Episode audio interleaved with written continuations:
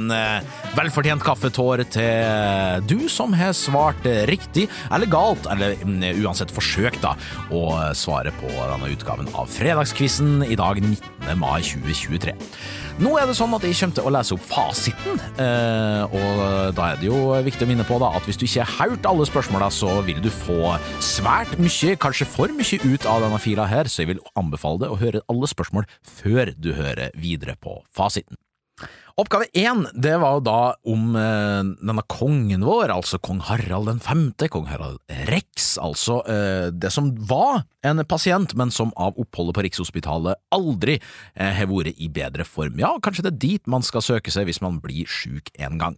Eh, det jeg lurte på på oppgave én, det var altså eh, hvor gammel han var, altså kong Harald, da sønnen hans, Håkon, gifta seg.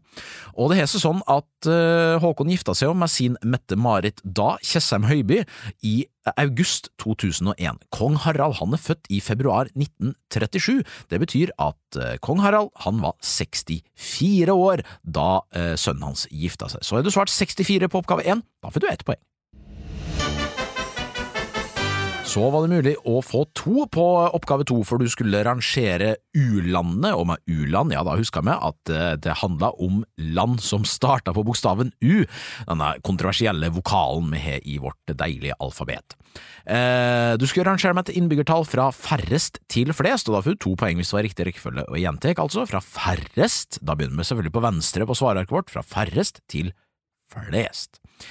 Uruguay er det dårligste landet med sine 3,4 millioner innbyggere. Deretter følger Ungarn med sine 9 millioner, og så er det Uganda som er det aller beste landet hva angår folk og fe, med sine 45, ja du hørte riktig, 45,89 millioner på førsteplass. Så er rekkefølgen din Uruguay, Ungarn og Uganda, da får du to poeng.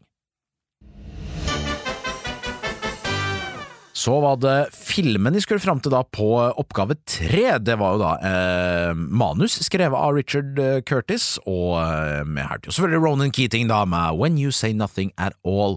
Og eh, Anna var jo en av karakterene da som kom fram, og vi skal selvfølgelig til eh, Notting Hill. Ja, Notting Hill. Har du svart Notting Hill? Ja, Notting Hill på oppgave tre. Da får du ett poeng. Så var det oppgave fire, da nok en topoenger, og jeg lurte altså på hvilket årstall eh, vi skulle fram til. Her får du ett poeng da hvis du er uheldig og bommer med ett år, men du får da til gjengjeld to hvis du er dritgod på årstall. De sa at atomubåten Kursk sank i Barentshavet.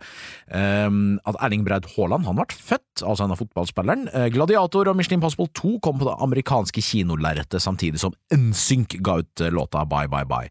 Ja, det riktige året, som gir to poeng, det er 2000 og 2000. Det riktige svaret på oppgave fire er 2000. Så har du svart 2000 får du to poeng, har du svart 1999 eller 2001, da får du ett poeng. Oppgave fem kan du skrive nå, og jeg lurte på hva den gjeldende promillegrensa på elsparkesykkel er. Det kan Jeg har nok hatt det før, men det er nå greit å minne oss om det nå som elsparkesykkelsesongen er i gang for fullt, og det riktige svaret her er selvfølgelig ikke 1,2, som veldig mange praktiserer, men det er 0,2. Har du svart 0,2 på oppgave fem, da får du ett poeng. Forspranget ligger i teknikken. Ja, det var oppgave seks. Jeg lurte altså på eh, hva brand eller merkevare som sto bak det klingende, fengende slagordet. Jo, vi skal til Tyskland, vi skal til en bilprodusent som kalles for Audi. Så har du svart Audi på oppgave seks, da får du ett poeng. Så lurte jeg på hva søstera til Michael Jackson uh, het, altså hun som fylte 57 år på tirsdag. Da er vi på oppgave uh, sju. Jo, uh, hun heter for Janet. Janet. Hun svarte Janet. Da får du ett poeng. Oppgave åtte skulle handle om vedkommendes navnedag, altså Siren, som hadde navnedag samme dag som Janet Jackson hadde bursdag. Og Siren Sundby hun er kjent for en idrett i det våte element, men det er ikke surfing, og det er heller ikke roing. Det er heller ikke vannpolo eller svømming, men det er nemlig seiling. Så du svarte seiling på oppgave åtte, da får du ett poeng. Hvem i alle dager var det som representerte Norge sist Norge arrangerte Eurovision-finalen? Eh, jo, det var spørsmål ni, det, og det riktige svaret her det er det at vi må tilbake til 2010, og selvfølgelig til My Heart Is Yours av Didrik Solli Tangen. Så er du svart Didrik Solli Tangen eller kompanijeger Solli Tangen, da får du ett poeng på oppgave ni. Dagens siste oppgave, en liten geografisk nøtt, da. Jeg lurte på eh, Det finnes ett selvstendig land i verden eh, hvor både hovedstad og land har én stavelse. Vi befinner oss i Europa, vi befinner oss i et eh, land som er kjent for sin gode sjokolade, dyre klokker og generelt dyre livsstil, kanskje? Litt usikker på livsstil. Det er jeg veldig usikker på, faktisk, for jeg har aldri vært der, men det riktige svaret er uansett Sveits og Bern. Altså Sveits og Bern gir ett poeng på oppgave ti.